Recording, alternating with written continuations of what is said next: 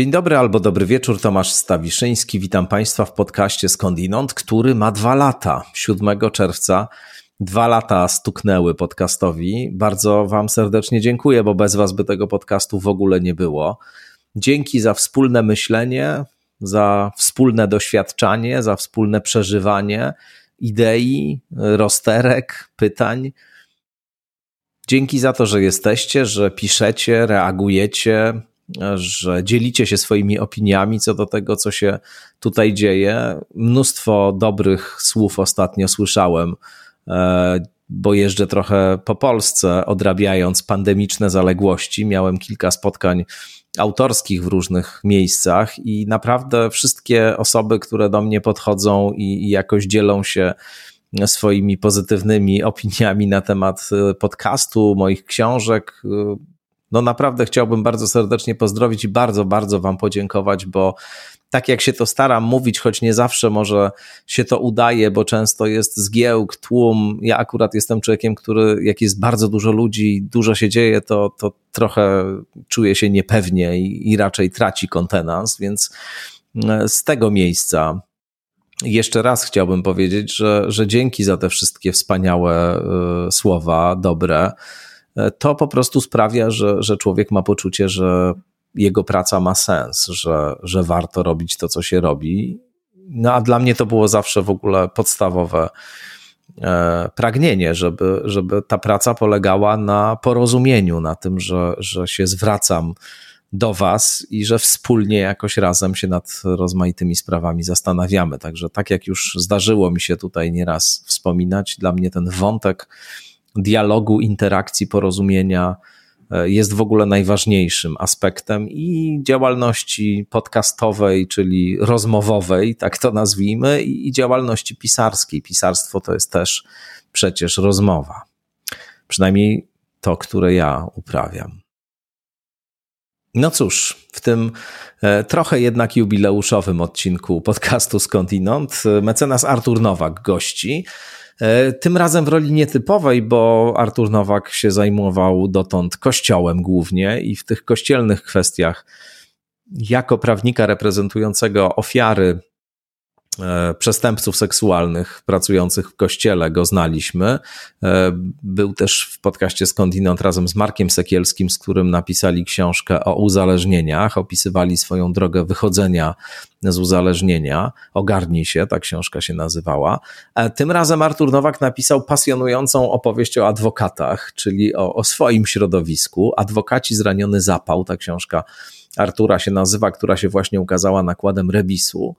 E, bardzo serdecznie polecam tę lekturę, bo ona rzeczywiście odsłania rozmaite kulisy zawodu, jednego chyba z takich bardziej z jednej strony um, no, prestiżowych, cieszących się taką opinią prestiżowego, z drugiej strony właśnie trochę tajemniczego zawodu, bo, bo przecież e, ma się wrażenie, że to jest jednak trochę zamknięte środowisko, które niechętnie się dzieli swoimi sekretami. Tutaj bardzo dużo takich wewnętrznych historii w książce Artura można poczytać. No i jak to u niego zawsze jest to wszystko napisane w bardzo taki e, porywający sposób, lekki, świetnie się czyta. Także myślę, że, że ta książka będzie dla Państwa bardzo ciekawa. No i myślę, że rozmowa z Arturem Nowakiem też będzie dla Państwa interesująca, bo właśnie o te różne sprawy związane z adwokatami, adwokaturą E, mniej lub bardziej e, sensacyjne, mniej lub bardziej trudne również e, Artura Nowaka pytam. No dobrze. Wielkie dzięki też oczywiście za potężne wsparcie finansowe dla tego podcastu. Dzięki Wam, dzięki patronom, patronkom, subskrybentkom, subskrybentom ten podcast istnieje, może się ukazywać regularnie, także bez Was tego by w ogóle nie było. A kto chciałby dołączyć do tego grona, no to zachęcam do wykupienia subskrypcji na Patronite albo na mojej stronie e, internetowej. No dobrze, mecenas Artur Nowak przed Wami.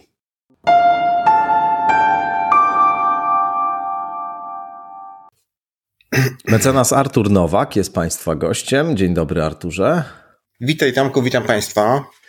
E, autor wielu książek. E, ostatnio książki, powiedziałbym, że trochę nietypowej, nawet bardzo nietypowej w tym dotychczasowym Twoim e, dorobku książkowym, czyli książki Adwokaci, Zraniony Zapał. Dom wydawniczy Rebis tę książkę opublikował. No, bardzo niedawno, dosłownie kilkanaście dni temu była premiera.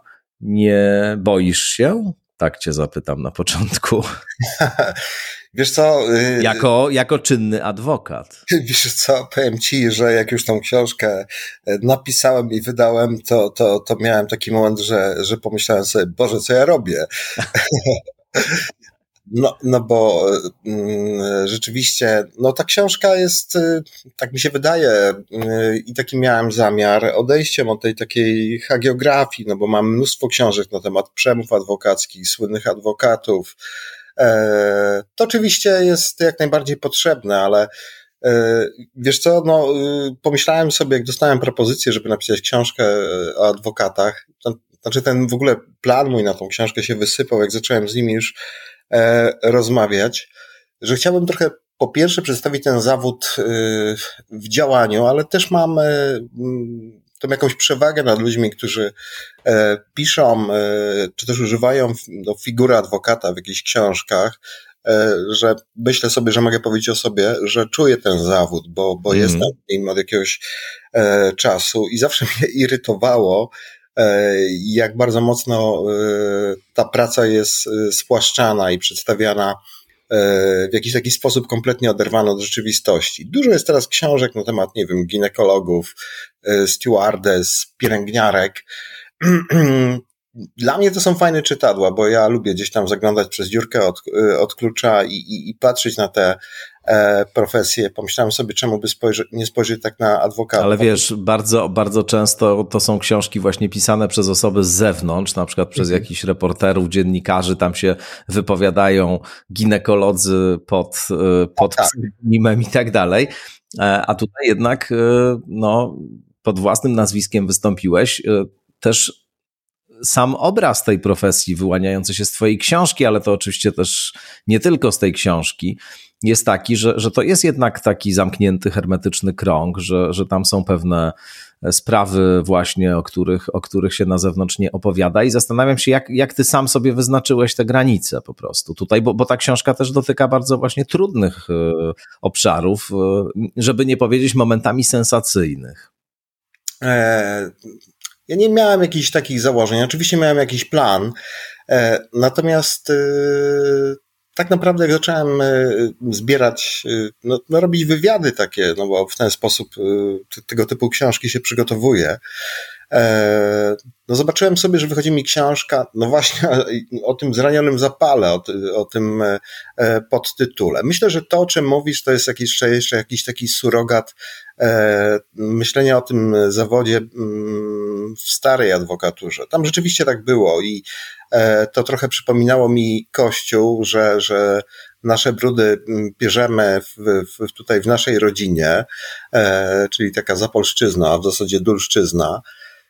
E, I hermetyzujemy te nasze niepokoje, które są i, i, i w nas buzują. Natomiast to nowe pokolenie, E, ja piszę o najeździe Hunów, kiedy, kiedy ta adwokatura rzeczywiście się. Tak, to jest dobra e, metafora. E, ciekawa. Jak się otworzyła i porozrzucała te, nie wiem, złote puchary, tą zabawę, jakieś takie Dionizje nieustające, ma zupełnie inne podejście. Znaczy, ja nie chcę y, powiedzieć, że ta stara adwokatura nie ma w wielu sprawach racji, bo uważam, że wielką krzywdę zrobiono temu zawodowi, otwierając tak bez ograniczeń, bez żadnej kontroli ten zawód, bo doszło do takiej sytuacji, że nie miał kto tych młodych ludzi, którzy e, no, weszli do adwokatury e, uczyć, tak? A mm, tak naprawdę, tak mi się przynajmniej wydaje i takie jest moje doświadczenie, bo też odbywałem aplikację akurat sądową. Myślę sobie, że przez tych, bez tych y, mentorów, y, patronów, którzy, którzy nas kształtowali, e, no, absolutnie nie mielibyśmy takiego backgroundu, znaczy takiego jakiegoś doświadczenia, takiej możliwości e, uprawiania tego e, zawodu, ale ta adwokatura mm, rzeczywiście się w tej chwili zmieniła. Ona jest bardziej otwarta, bardziej znormalizowana. To znaczy, myślę sobie, że ten nimb, który ją otaczał przez dziesiątki lat, absolutnie mm, w tej chwili jest jakimś takim mitem. To są normalni ludzie, którzy chodzą, nie wiem, do psychologów, tak, którzy sobie nie radzą. Myślę, że o tym jeszcze powiemy, bo to jest w ogóle, e, wydaje mi się, jakiś temat wiodący w tej książce mojej. E, to są ludzie, którzy opowiadają o tym, że w tym zawodzie no, trzeba się jakoś yy, bić yy, o tego klienta. No bo tak naprawdę zrobił się w tej chwili rynek klienta już, a, a nie adwokata, ale e, przede wszystkim myślę sobie, że i to jest dla mnie jakimś dowodem e, tego, że, że absolutnie e, ta książka w jakiś sposób nie jest absolutnie, nie narusza jakoś nie wiem, jakiejś godności tego zawodu, czy, czy tego mitu. Absolutnie. O którym absolutnie. mówię, e, to jest to, że mm, no, na potrzeby tej książki wypowiadało, wypowiedziało się w, w, w, tym, w toku tego przygotowywania tego materiału no, kilkudziesięciu adwokatów, w tym naprawdę adwokaci, którzy są e, no, bardzo wysoko postawieni e, we władzach e, samorządu. Oni mnie trochę znają i wiedzieli, że no, ja nie, nie będę robił książkę o tym, że tam adwokatura zbawiła świat, bo takich książek jest... to by było dobre. No ale takich książek jest już jest, jest, jest mnóstwo. I, i, i, I myślę sobie, że absolutnie takiego zarzutu nie mam. Wczoraj wracałem z Warszawy, jechałem taksówką e, na, e, na dworzec i zadzwonił do mnie jeden z kolegów, który, który był z moim rozmówcą. On ma niespełna 40 lat. To jest w ogóle dla mnie data graniczna w, w tym zawodzie. Myślę sobie, że nie tylko w tym. E, bo to jest 40, zupełnie, tak? Tak, myślę 40-45, mm. bo to jest zupełnie inne spojrzenie na, na, na, na, na, sens swojego aktywnego funkcjonowania. E, ja mam 43 lata w tym roku skończyłem i potwierdzam, że to jest taki czas, kiedy się dużo zmienia. Tak. No tak, no bo to jest y, tak, ja piszę o takiej metaforze choroby południa, to znaczy o tym, kiedy e, tak naprawdę, bo to się wzięło z Wargiusza y, z Pontu, który e, no, był takim e, ojcem kościoła i który mówił o tym, że dla duchownych, dla księży, tego do dzisiaj się naucza w seminarium, takim największym kryzysem jest właśnie ten kryzys tych 40-45 lat, kiedy ty jesteś wypalony, zastanawiasz się nad sensem e, po prostu tego, tego co robisz, czy, czy, czy, czy, czy, czy, czy to jest sprawcze, ale przede wszystkim, czy, czy ci daje to radość, nie? Ja też chyba przechodzę taki okres, czy tam szedłem weń e, jakiś czas już temu, kiedy zacząłem się zastanawiać, na ile moje funkcjonowanie, to znaczy no, zarabianie od pierwszego do pierwszego, żeby płacić, y, nie wiem, te wszystkie rachunki, a proszę mi wierzyć, że one nie są małe, kancelaria, aplikanci i tak dalej. E, nie wiem, e, jakiś sobie dołożyć do tego jakiś kredyt, leasing i tak dalej, czy to jest to, co ja chciałbym do końca życia robić, ile mi potrzeba do życia w tym wymiarze materialnym. I druga kwestia, czy to mi daje y, satysfakcję, czy, czy ja ten smak tej satysfakcji, czy jakiejś radości z tego, co robię, y, potrafię sobie, potrafię przeżyć, o, przeżyć właśnie, bo wydaje mi się, że y, no taką esencją życia, ja nie chcę wchodzić w jakąś tak tutaj wielką filozofię, jest to, żeby w danym momencie, nie oczekując na to, co się zdarzy za rok, za miesiąc, nie patrząc linearnie na tą drogę, na tym szlaku, gdzie zdobywasz kolejne szczyty, e, potrafisz odczuć no, radość, tak, z istnienia. Nie odkładasz sobie e, tego. A mm, ten zawód ma taką pokusę, myślę, wracam tutaj do adwokatów, że no można wejść w pewien taki tryb myślenia, że e, zapieprzasz jak ten chomik w kołowrotku i nie masz absolutnie czasu na taką E, refleksję i na poczucie, no, odczucie tego smaku, tak, znalezienia e, w sobie jakiegoś e, takiego spokoju. I absolutnie muszę powiedzieć, że mm, mm, tak jak rozmawiałem z moimi koleżankami, kolegami, kolegami chyba zwłaszcza, bo perspektywa kobiet często jest inna. Ona jest związana jednak z takim przywiązaniem większym do domu. Ona jest tak naprawdę dla mnie głową E, rodzinę, e, ale to już jest inny temat, ale wracam do tej perspektywy, ona jest inna. u osób, które mm, no jeszcze są na tej drodze i jak ten koń z tymi klapkami na oczach pędzą galopem. No ale jest pytanie, ile ty możesz no, w tym galopie po prostu przebiec i jak już się zatrzymasz, znaleźć w tym życiu, które szybko mija, jak, jak z bicza strzelił, tak? Jakąś właśnie no taką radość, o tym mówię. Podaję wiele przykładów zresztą osób, które dochodzą do takiej refleksji. Ty tutaj e, wspomniałeś Ewagriusza z Pontu. Piszesz też o nim w jednym z rozdziałów e, przy okazji e, wypalenia, depresji. Ewagriusz z Pontu sporo czasu, znaczy miejsca, ale i czasu w rozmyślaniach, a miejsca w swojej twórczości poświęcił Acedi, która się tutaj E, pojawia. I to jest właśnie coś takiego, co w zasadzie spełnia, e, mówię o, o ACD wedle Ewagriusza, e, kryteria zaburzenia depresyjnego w DSM-ie aktualnym i ICD, bo to jest taka mieszanina smutku, ale też anhedonii, właśnie bezwładu, poczucia bezsensu. Demon południa to, to wywołuje, a to dlatego, że mnisi bardzo wcześnie wstawali, posiłek jedli tylko raz dziennie, E, gdzieś tam w okolicach 15, w związku z czym południe było takim momentem krytycznym, bo też na pustyni egipskiej, bo to wszystko ojcowie pustyni, e, było strasznie gorąco w południe właśnie, więc to był rzeczywiście taki moment absolutnie kryzysowy.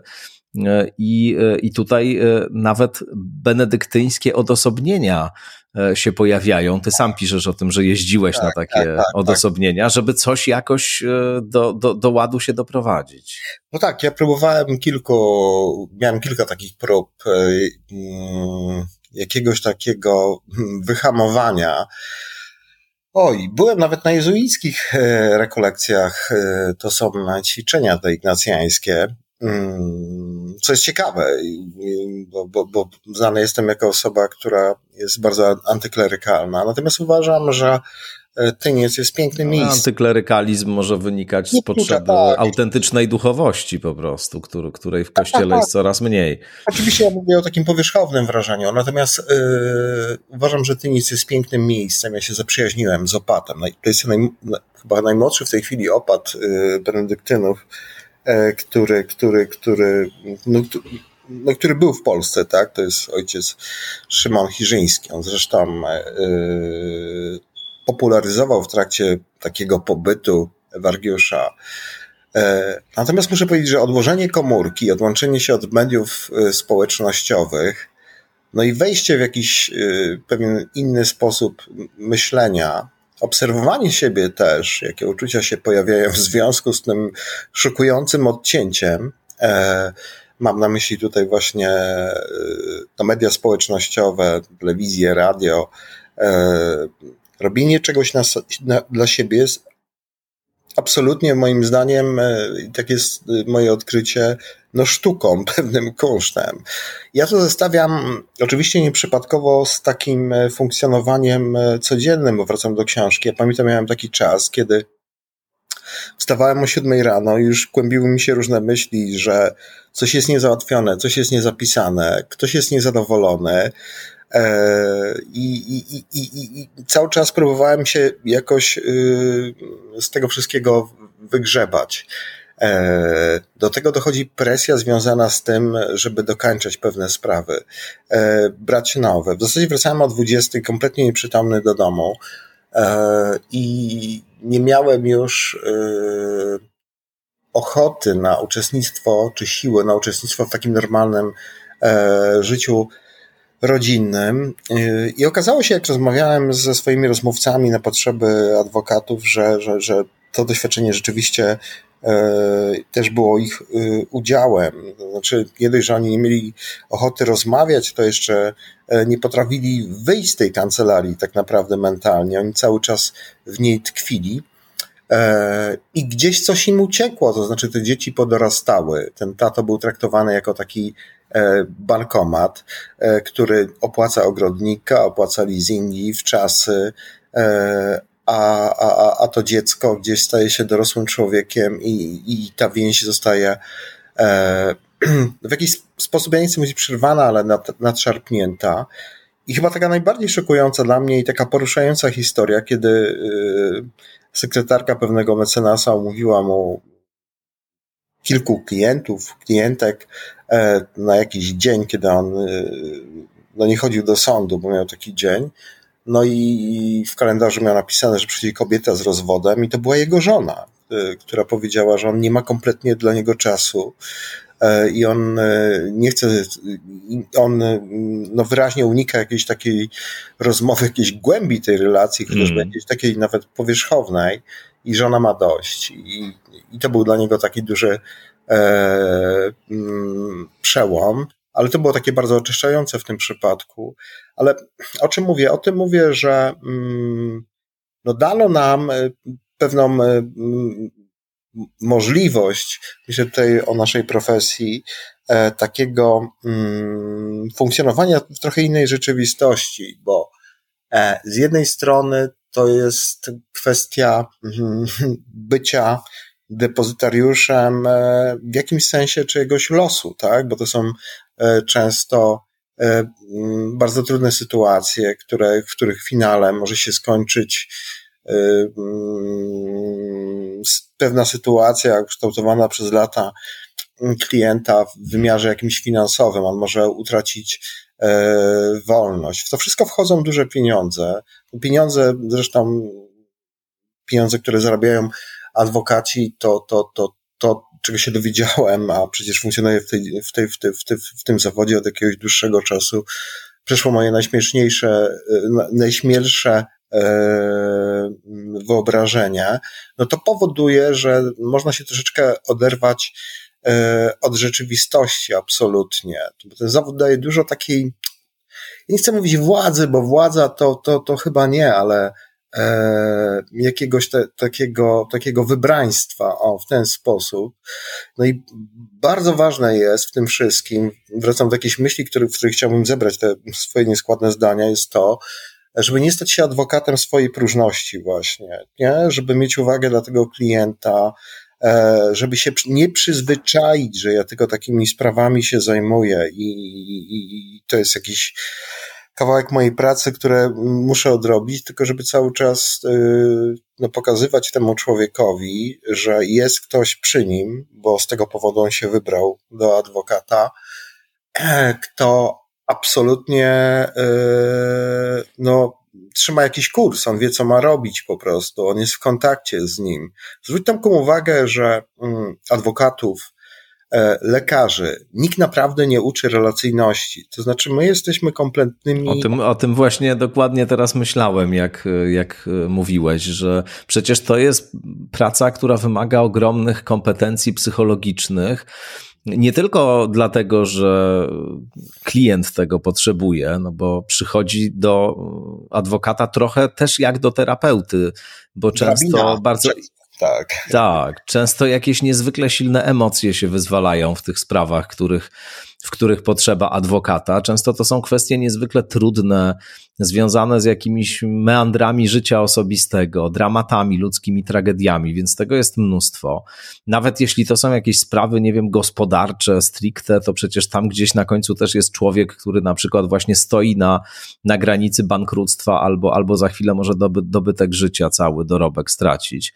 Mhm. To, to, to na pewno jest praca, która wymaga takich kompetencji. Z drugiej strony, te kompetencje są potrzebne po prostu samym i lekarzom, i, i adwokatom po to, żeby, żeby ten ciężar jakoś unieść, żeby sobie móc poradzić w tych, w tych trudnych sytuacjach. Jakiś rodzaj takiej higieny emocjonalnej, umiejętności e, patrzenia na to wszystko z odpowiedniego dystansu, przyjmowania odpowiedniej pozycji, właśnie nie, nie brania tego wszystkiego na siebie, no, to są, to są rzeczy, które są absolutnie niezbędne, a, a tego nikt nie uczy i, i niestety płacicie y, za to cenę po prostu często ogromnie. Płacimy, płacimy u terapeutów.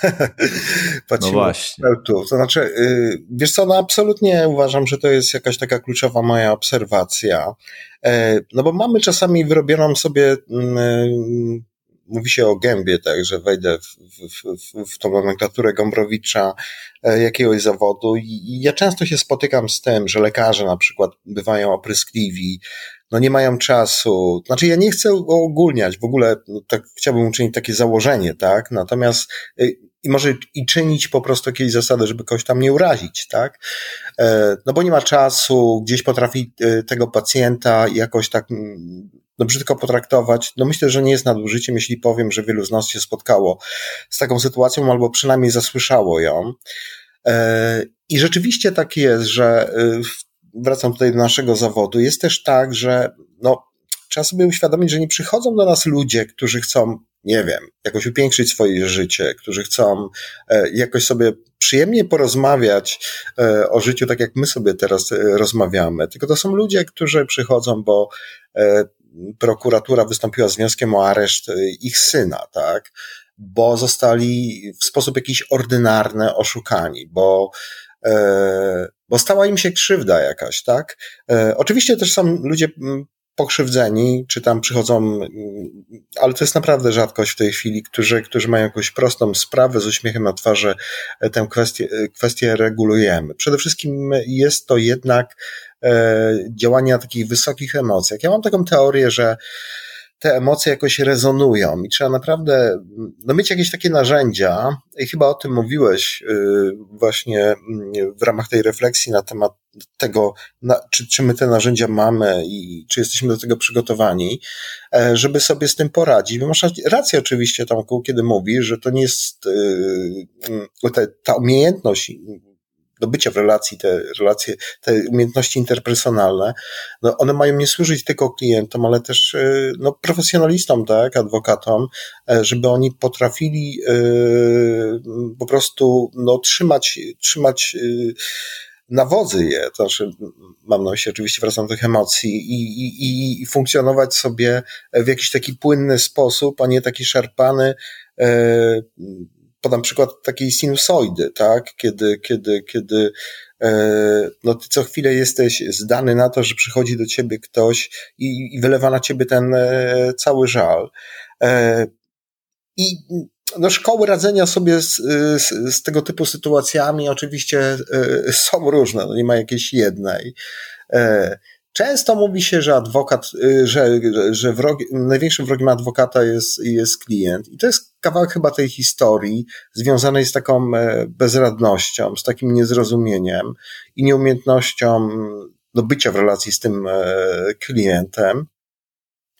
A z drugiej strony poznałem wielu ludzi, którzy kompletnie no nie mogą patrzeć już na ludzi. To znaczy oni e, są tak e, wykończeni, no właśnie, jakby to powiedzieć, zarządzania emocjami innych nie, ale no bycia kimś, na kogo można wyrzucić ten cały szlam nieszczęść życiowych, że często albo odchodzą z tej profesji, albo jakoś szukają sobie nowego miejsca, w których e, mogliby w tej profesji funkcjonować. I podam Ci taki przykład. Ja pamiętam, że, że wiele lat temu, jak zastanawiałem się nad jakąś formą e, funkcjonowania w tym zawodzie, e, miałem jakąś propozycję pracy w korpo, tak, i absolutnie nie wyobrażałem sobie, żebym pracował gdzieś w zaciszu jakiegoś gabinetu, i był takim właśnie gabinetowym prawnikiem, który przygotowuje jakieś umowy, które mają jakieś, jakąś mrowie paragrafów i, i, i wykonują taką benedyktyńską e, pracę. Ja chciałem jakiegoś... Chociaż zapewne z pewnymi benefitami by się to wiązało, typu spokój, e, regularny czas pracy i pieniądze. To znaczy tak, no ale widzisz, no wszystko ma swoje plusy i minusy. Bo no jasne. Ja absolutnie z, z taką pracą korporacyjną. E, ale ja ciebie też w tym nie widzę, mówiąc szczerze. Na tyle, na ile cię znam, to sobie nie wyobrażam, żebyś ty był w stanie w czymś takim wytrzymać w ogóle. albo, albo koledzy ze mną. Znaczy, ja, no właśnie. No tak, ale widzisz, z drugiej strony, yy, ja byłem kompletnie szokowanym, jak. Yy, przygotowywałem taki rozdział, rozdział dotyczący wynagrodzeń adwokatów. Znaczy, ja spotkałem się z, z kolegami, którzy pracują w tego typu no, domach adwokackich, bo one zatrudniają po kilkudziesięciu, czasem po kilkuset prawników, często to są podmioty międzynarodowe.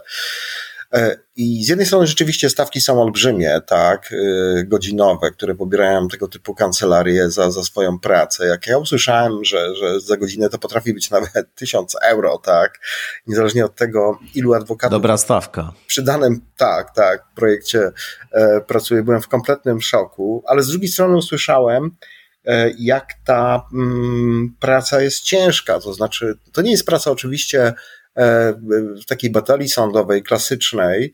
E, natomiast e, no trzeba dowieść jakiś temat do końca, przygotować, nie wiem, jakąś umowę, fuzję, zakup jakiejś nieruchomości. Oczywiście zależy, to wszystko zależy od tego, mm, co ty robisz w tym korpo, czy jesteś, nie wiem, partnerem, bo z nimi też rozmawiałem i oni opowiadali o E, meandrach swojej pracy, czy jesteś gdzieś na dole, no i ciśnie cię ktoś na górze, żebyś e, po prostu e, pracował więcej, szybciej. Nie wiem sam, to znaczy, mm, no widzisz, to tak jest chyba i w każdym profesji się chyba to pojawia, że w pewnym momencie to takie romantyczne, mm, ale jednak dość naiwna, e, romantyczna, ale jednak dość naiwna taka wizja mojej pracy i mojego funkcjonowania zawodowego e, jest boleśnie, boleśnie skonfrontowana z rzeczywistością. I, no i właśnie, i wtedy przychodzi taka refleksja, czy to jest to, co ja chcę robić. W tym, w tym zawodzie to się miesza też z, już pomijając jakieś takie mm, warunki, o których tutaj mówię, to znaczy jak, jak, jak się funkcjonuje w danym miejscu, w, w tym zawodzie, dochodzi też ta sytuacja, którą mamy w kraju, ale ona nie jest nowa, bo uczymy się pewnych ideałów, uczymy się e, pewnych zasad konstytucyjnych e, i to wykuwa w nas jakiś taki obraz tej, e, tego, jak, ten, jak, jak ja sobie będę tam funkcjonował, że są jakieś zasady, e, które obowiązują. E, no a potem się okazuje, że no nie wiem, e, zaczynasz pracować w sądzie, e, bierzesz akta i mówisz, no ten człowiek jest niewinny, ja tu nie, nie, nie, nie, nie widzę żadnych dowodów i słyszysz od kolegi, no to daj mu zawiasy, tak. Więc, mm, więc to też jest, wydaje mi się, czymś, co może dość mocno rozczarowywać. E, i mm, no, powodować, że, że, że ta sprawczość e, tej pracy, tej misji, e, realnego wpływu na życie innych, no, no właśnie, no właśnie to, to, to, to mm, może nie pryska jak bańka, natomiast jest bardzo mocno przez życie weryfikowane. Tu jeszcze jeden jest e, wątek, który, który warto poruszyć, i ty e, o tym wątku już mówiłeś w zasadzie w tej swojej poprzedniej książce e, z Markiem Sekielskim wspólnie napisanej. Pamiętam, że to na mnie duże wrażenie zrobiło taka Twoja szczerość, nie tylko w odniesieniu do kwestii związanych z alkoholem w Twoim życiu prywatnym, nazwijmy to, ale także w odniesieniu do tego, co się w Twoim zawodowym życiu przy okazji alkoholu działo. Opowiadasz tam w tej książce z Markiem Sekielskim napisanej, o której myśmy tu zresztą Skądinąd też e, rozmawiali, także mogą Państwo sobie ten odcinek z Markiem i Arturem odszukać, ale Opowiadałeś tam sporo o różnych e, z czasów e, sędziowskich twoich e, historiach właśnie, właśnie alkoholowych, no ale ten alkohol też w życiu bohaterów i bohaterek twojej książki aktualnej jest, jest czy bywa no właśnie takim bardzo prostym, tanim środkiem do tego, żeby pewne napięcia uśmierzyć. Jak to, jak to wygląda od tej strony? No znaczy, to nie, to nie jest tylko alkohol. Znaczy, no wiadomo. Ja w ogóle też na potrzeby adwokatów rozmawiałem z wieloma psychologami, tak, bo y, no, pewne intuicje na temat pewnych zjawisk miałem, ale, ale, ale no, chciałem je sobie jakoś poweryfikować.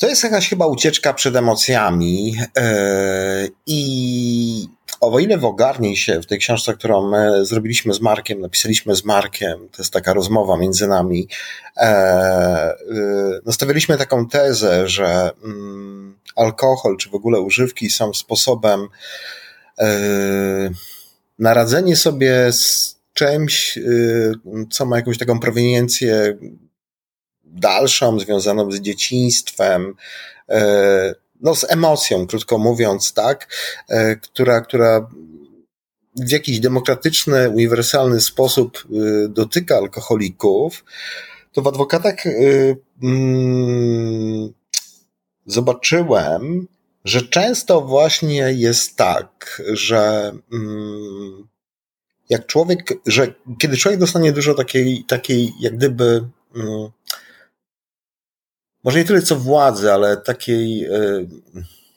tak stworzone zostaną wokół niego takie warunki związane e, z pewnym dobrobytem, nazwijmy to, mam na myśli, e, z jednej strony w takim wymiarze materialnym, a z drugiej strony w takim wymiarze, wymiarze mm, związanym z budowaniem pewnego autorytetu. Nie każdy potrafi sobie z tym e, e, poradzić. To znaczy, znaczy otwiera się taka możliwość, czy też takie zagrożenie, e, żeby no nie popłynąć, tak? I rzeczywiście spotkałem takie osoby, które uczciwie o tym mówią, że mm, no popłynęły i to bardzo jakoś tak szeroko. I to jest y, jeden taki przyczynek do, do, do właśnie, myślę sobie, do tych wszystkich e, otwarcia się na używki, które, które gdzieś tam e, no są, tak.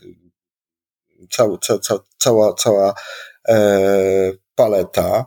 E, I i myślę sobie, że jest to jakaś, y, jest to jakiś sposób odcięcia się od emocji, bo nagle dostali, dostali zbyt dużo i, i zwariowali. Drugi taki typ, który zobaczyłem, ja oczywiście nie roszczę sobie pretensji do tego, żeby jakoś to systematyzować, bo to ja nie jestem od tego, e, to jest rzeczywiście taka, mm, jak gdyby, kompensacja takiej wewnętrznej pustki, tak? Tak myślę sobie. Ja mm, wspominam kolegę mecenasa, który gdzieś tam robił zakupy w Zelando, codziennie przychodziły jakieś yy, po kilka paczek z jakimiś ubraniami. On to wszystko sobie gdzieś chował yy, i często tych ubrań nie przymierzał. Najbardziej kręciła go ta sytuacja, kiedy e, przychodził ten kurier e, z jakimiś, nie wiem, spodniami, garniturem, z garniturami czy, czy, czy z jakąś inną e, e, odzieżą. To mnie zaciekawiło. I oczywiście może ktoś sobie powiedzieć, że w tej książce jest taka historia i jakoś się z tego śmiać, ale próbowałem z nim sobie jakoś tak e, po prostu porozmawiać. I on mi mówił, też właśnie bardzo szczery był, że to była jakaś, mm, jakaś dla niego droga do takiego jakiegoś e, wyróżnienia się, mm, pokazania się jakoś jeszcze bardziej na zewnątrz, pokazania, nie wiem, e, tego swojego e, dostatku. On oczywiście z tego wyszedł, natomiast e, właśnie się tak zastanawiałem nad tym przypadkiem. Potem zresztą po premierze książki, zresztą też rozmawialiśmy, on już był bardziej zdystansowany do tego. Ja nie wiem, wiesz tam, no, dla mnie to jest takie jakieś odcinanie się od emocji, szukanie jakichś innych e, emocji. Zresztą zwróć uwagę, że no jest taki obraz teraz takiego młodego, znaczy młodego mężczyzny, mężczyzny w średnim wieku często, który gdzieś e, ucieka przed tymi emocjami w jakimś takim ekstremum, w sportach ekstremalnych. To są często bardzo jakieś takie niebezpieczne hobby, no jakaś, nie wiem, jazda w górach, e, na rowerze, jakieś ciężkie maratony. Ultramaratony co tydzień. Tak, I żeby było jasność, ja nie chcę absolutnie tego jakoś dezawuować, bo ja też od pewnego czasu E, zauważyłem, znaczy dla mnie to było, myślę, że, że bieganie jakoś uratowało mi życie, bo ja biegam codziennie, dzisiaj też wstałem wcześniej i pobiegałem, chociaż rozmawiamy rano, e, dlatego, że mm, był to dla mnie jakiś taki nowy nawyk, nawyk e, który mm, jakoś e, periodycznie i systematycznie e, którego systematycznie i periodycznie oczywiście pilnowałem, i który spowodował, że ja mogłem poczuć jakieś inne takie emocje, jakiegoś takiego szczęścia, takiej radości.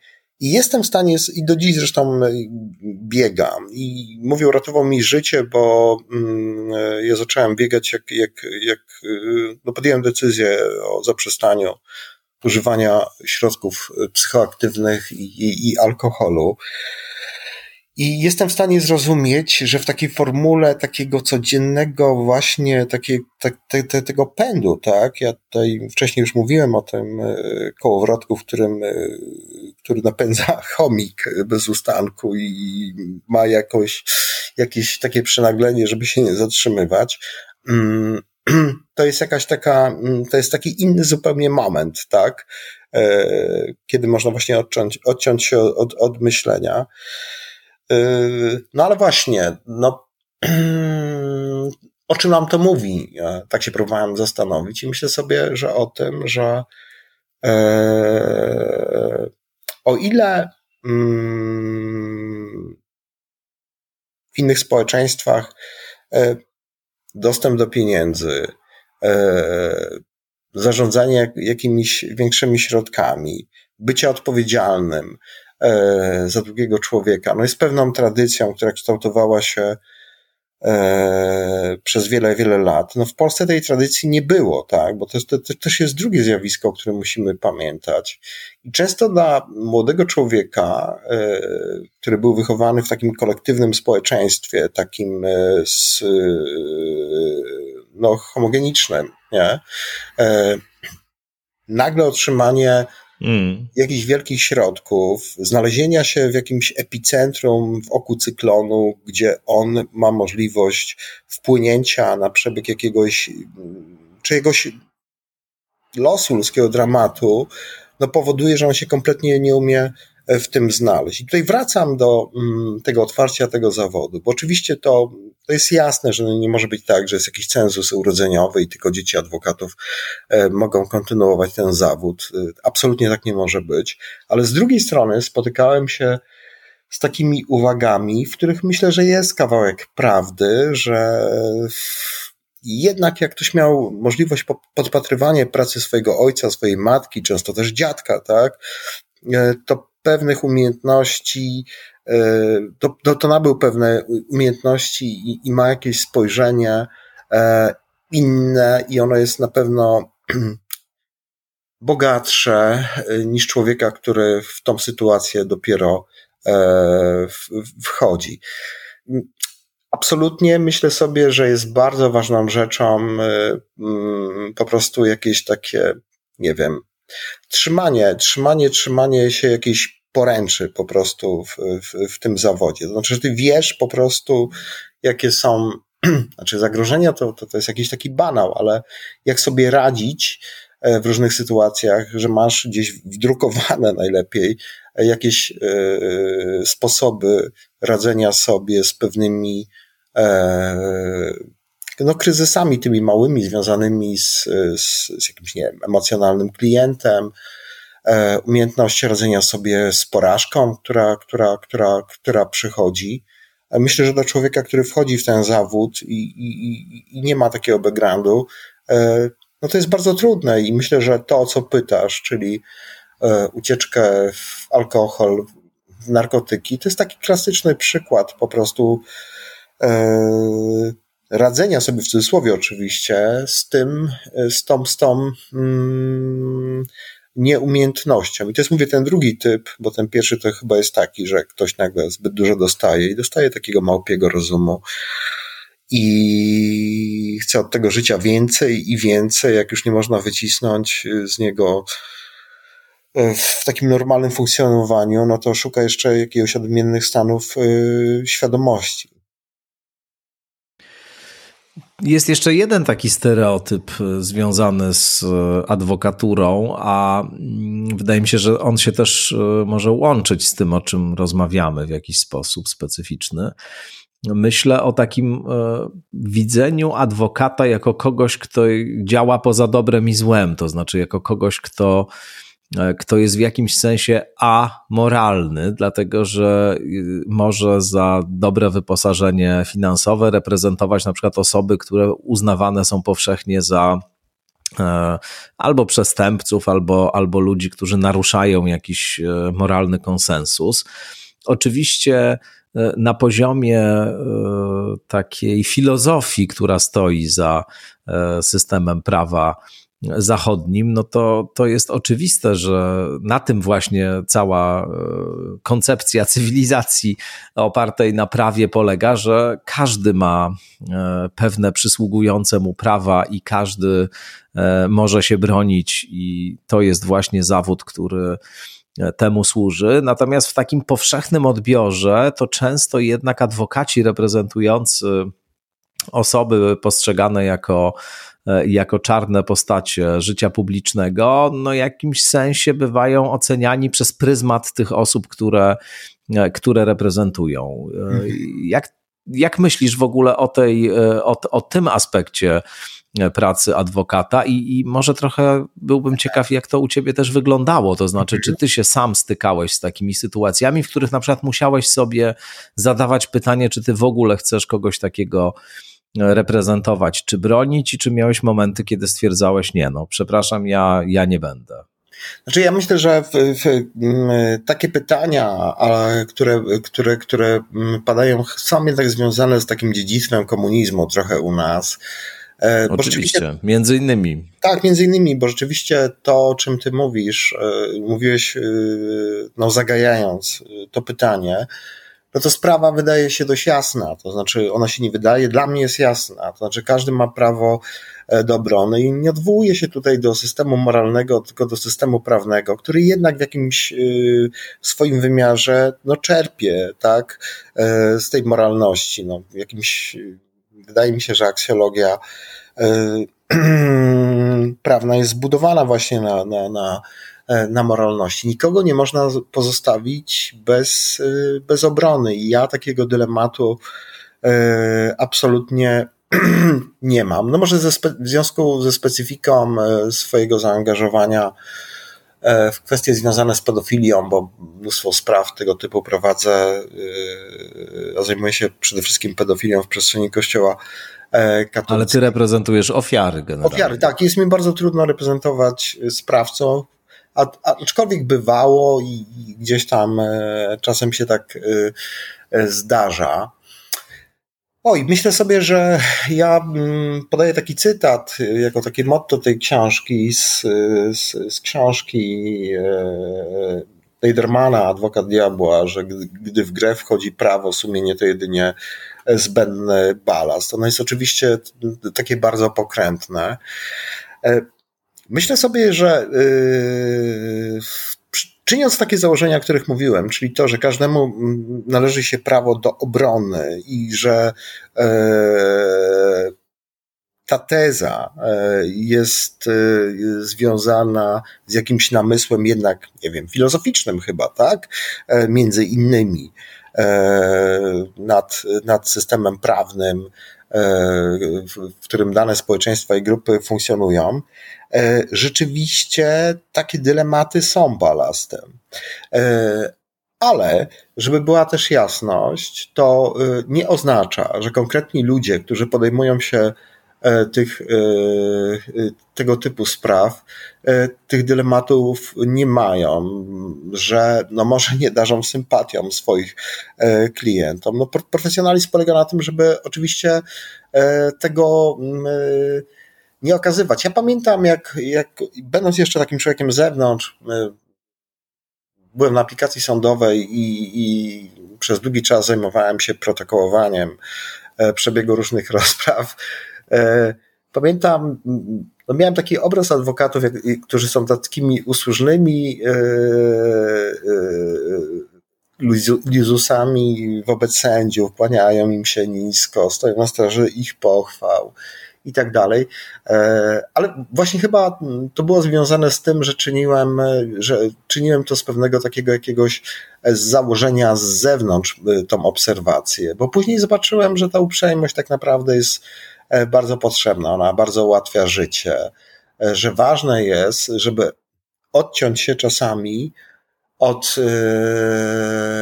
niekoniecznie takich gładkich sytuacji ładnych, które mają miejsce na salach sądowych, no bo często dochodzi do, do, do, do tego, że gdzieś te emocje e, biorą e, górę. A jeśli chodzi o moje osobiste doświadczenie, no to tak, oczywiście bywa, że, że, że no mam takie sytuacje, kiedy y, no są ludzie, którzy ewidentnie e, no, tkwią przy jakiejś swojej wersji zdarzeń i pomimo tego, że e, wszelkie dane na niebie, wszel, wszel, wszelkie jakieś takie przesłanki wskazują na to, że, że, że, że próbują wprowadzić też mnie w błąd.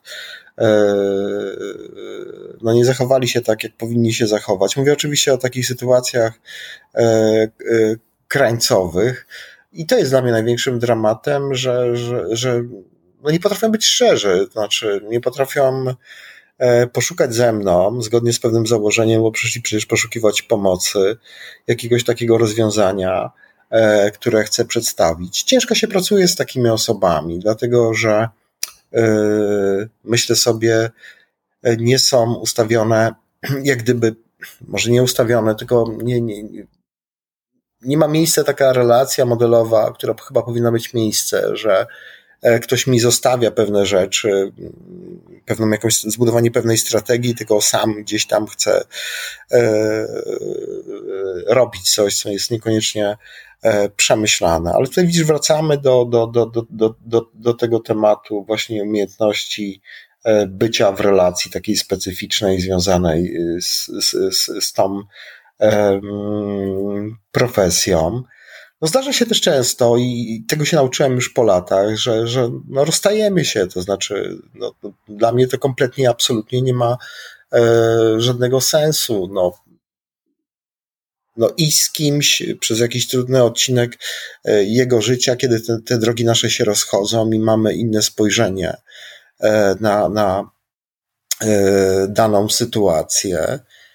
Są, są naprawdę bardzo czasami duże wątpliwości i, i trudność związana z takim autentycznym i gorliwym e, bronieniem klienta z uwagi na e, jakiś taki wewnętrzny obraz, e, który ma adwokat na, na tą sprawę, z którą ten klient mm. przyszedł. Ja uważam, że dobrym takim rozwiązaniem jest, żeby z takim klientem się rozstać. Myślę jednak, że z biegiem czasu, kiedy no, to doświadczenie wykuwa się, bo też piszę o tym w książce, że z jednej strony z wiekiem tracimy pewne umiejętności, e, czy, czy też pewną wiedzę taką typowo prawniczą, no bo nie czarujmy się. No. Ja nie chcę też znowu ogólniać, ale w przeważającej części adwokaci, e, nie wiem, w określonym wieku, no nie sięgają już do przepisów, mają je w głowie, ale też zbytnio chyba już e, za bardzo nie mają takiego zapału, żeby się rozwijać, to mają taką inną kompetencję. To jest taka kompetencja związana z tym, że oni przerobili, mówiąc tak brzydko, nie wiem, setki tych klientów, y, mają jakieś takich 30 schematów y, funkcjonowania w, w tych trudnych relacjach, y, wiedzą, co dany klient potrzebuje, to znaczy rozpoznają jak gdyby jego potrzeby, i na pewno jest im prościej niż takim młodym ludziom, którzy wchodzą w, w ten zawód i, i, próbują tego klienta e, jakoś e, ze wszechmiar uszczęśliwić po to, żeby uszczęśliwić, e, żeby mieć jakiś taki spokój wewnętrzny, nie? Więc to działa e, w, w, w taki oto sposób, że e, te kompetencje w pewnym wieku są większe, nie? I Tomku, no jest coś takiego, oczywiście, że tak jest, nie? No, mm, to jest trudne, natomiast w zasadzie odmowa obrony y, klienta, mm, bo mi się tam nie podoba to, co on zrobił, bo to jest jakieś szczególnie odrażające, no nie jest podstawą do skutecznego zwolnienia się z obrony. A to trzeba mieć podstawę, tak? No trzeba mieć podstawę.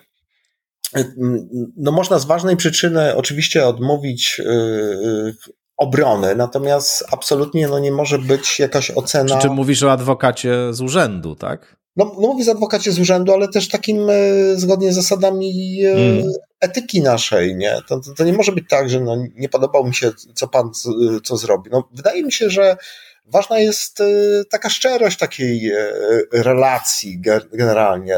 Mm, no, trzeba powiedzieć może temu klientowi, bo on ma prawo wiedzieć, jeżeli rzeczywiście jest taki dylemat, co ja myślę. Nie? Odmowa obrony może nastąpić tylko z ważnej przyczyny, i nie może to być naganna ocena moralna sprawcy czy też czynów. Nie, nie można szkodzić klientowi i, mm. i choćby to był jakiś największy zbrodniarz y, na świecie. Nie? I sprzeniewierzenie się zresztą y, tej zasadzie y, jest no, takim ciężkim deliktem dyscyplinarnym. I myślę sobie, że takim sposobem rozwiązania jest taka jak gdyby szczera rozmowa, nie?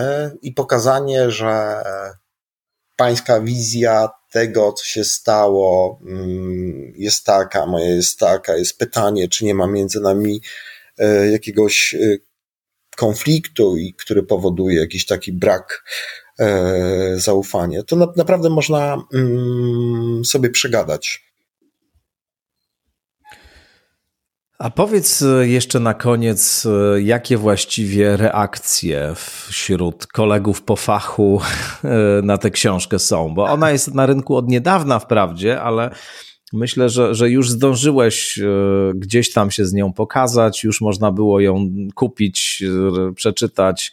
Czy, czy miałeś jakieś opinie? Nie mówię o osobach, które w tej książce występują, tylko mówię o, o tak zwanym środowisku. Wiesz co, wyborcza dała taki e, w czytelni wyborczej obszerny fragment książki tydzień przed premierą. E, no i oczywiście wydawca, znaczy wydawca, któryś z redaktorów e, tej czytelni wybrał fragment o, o o tym, ile zarabiają adwokaci. No ja się nie dziwię, no bo rzeczywiście sam wiesz, jak no to tak, działa. to na pewno, to na pewno przyciąga. W świecie klikania i tak dalej. No i były takie jakieś komentarze, bo ktoś mi nam wysyłał linki, że dzisiaj wyborcza yy, publikuje jakiś tekst, ile my tam zarabiamy i tak dalej. Yy, ja ci powiem tak generalnie, znaczy ja oczywiście to jest tak trochę jak w kościele, tak? Yy, i są ludzie, którzy po prostu absolutnie nie chcieliby rozmawiać na temat y, tego naszego zawodu. Mają jakieś takie dziwne w ogóle podejście, że myślą sobie, że, że, że przemilczenie czegoś znaczy, chodzi mi o jakieś tam e, skrywanie i jakichś ciemnych stron tego zawodu, absolutnie, tylko w ogóle rozmowa o tym zawodzie, no, o tym wypaleniu, tak, o tych absur absurdalności mm, obron z urzędu, no, o których przecież piszę, tak, w jaki sposób to funkcjonuje w Polsce, jak to państwo e, w jaki realny sposób e, stworzyło ten system obrony z urzędu. To jest trochę przerażające. To jest przerażające, ale tak jest. To, co tak? piszesz. Mm. No ale tak jest. E, e, żeby na, na ten temat nie rozmawiać, ale powiem Ci szczerze, że, że absolutnie tego typu podejście kompletnie nie robi na mnie wrażenia. Bardziej mam taką dużą satysfakcję, bo ja nie spotkałem się z żadną złą reakcją, jeśli chodzi o tą książkę, jeśli chodzi o, o, o, o tą profesję. No może rzeczywiście to jest tak, że jak ktoś jest niezadowolony z tej książki, no to mm, trudniej napisać maila, proszę pana, co pan tam napisał, e, niż napisać, słuchaj, no to jest rzeczywiście tak, jak ty mówisz. E, no, dostałem wiele takich informacji, że opowiedziałem coś, o czym, o czym wielu z nas myśli, ale jakoś albo nie mamy języka, żeby o tym opowiedzieć, albo jakiejś takiej odwagi, żeby wejść w jakąś taką dyskusję. Wiesz, jest też, y, uważam, że chciałbym, żeby ta książka spowodowała, żeby była jakaś, żeby nastąpiła, znaczy, nastąp, to jest bardzo nieskromne, co mówię oczywiście, nastąpiła jakaś refleksja nad pewnymi fundamentalnymi kwestiami, e, które są jednak pewnym problemem.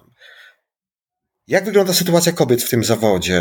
E, to jest temat na osobną dyskusję. Obrony z urzędu, które są absolutnie iluzoryczne i państwo nie stwarza żadnych e, warunków, żeby na równych prawach z obroną z wyboru mogła być ta e, obrona realizowana. Dlaczego odsyłam do książki? No, podaję wiele przykładów po prostu absurdalności e, tego systemu.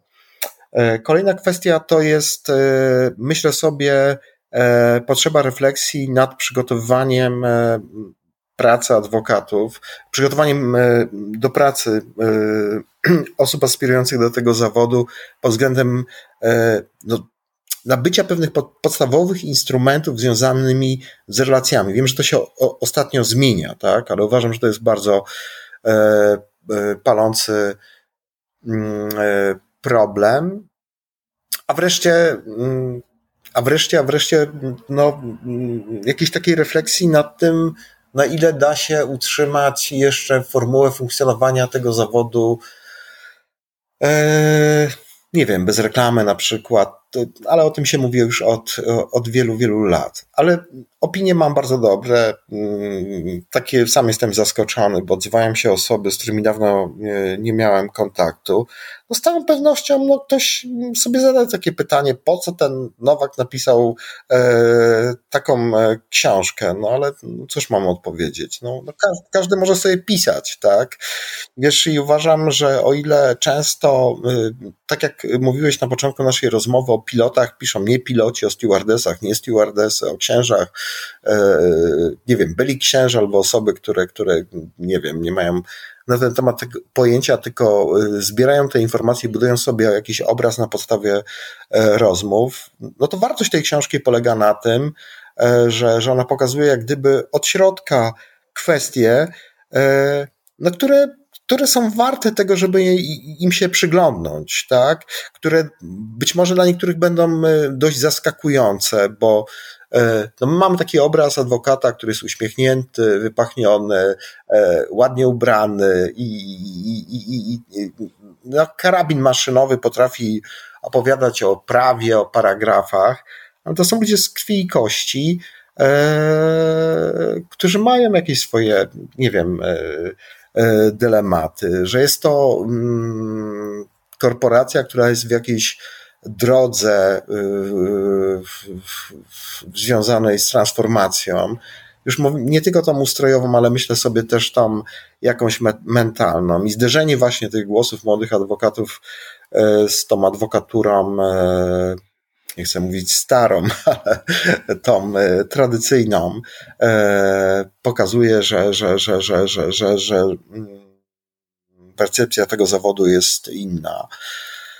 Więc myślę sobie, że nie, no jestem zadowolony bardzo z tej książki. Poza tym starałem się, mm, żeby ta książka absolutnie nie była ciężka, to jest inna książka. Jest wiele, myślę sobie, anegdot, które. Ach, absolutnie. Niezwykle smakowitych. Powodowały, że się trochę też przy tym wszystkim e, pośmiałem. E, I no zobaczymy, Tomku. No. Zawód adwokata jest czasowo wymagający i wiem, że nasz czas dobiegł końca, bo, bo mieliśmy tyle, to a tyle minut i, i już musisz lecieć, ale ostatnie króciutkie pytanie jest takie, czy to jest początek innego pisarstwa Artura Nowaka i, i, innych tematów, które zamierzasz eksplorować, bo, bo do tej pory głównie kościołem się zajmowałeś i te twoje poprzednie książki, no wyjąwszy książkę z Markiem Sekielskim, dotyczą kwestii E, kościelnych, e, wychodzisz na inne, w inne rewiry? Tomku, tak. Ja mm, w ogóle jestem bardzo zadowolony z tego, że w sobie mm, odkryłem taką chęć, a później taką sprawczość, bo to jest dziewiąta już moja książka w ostatnich mm. kilku latach.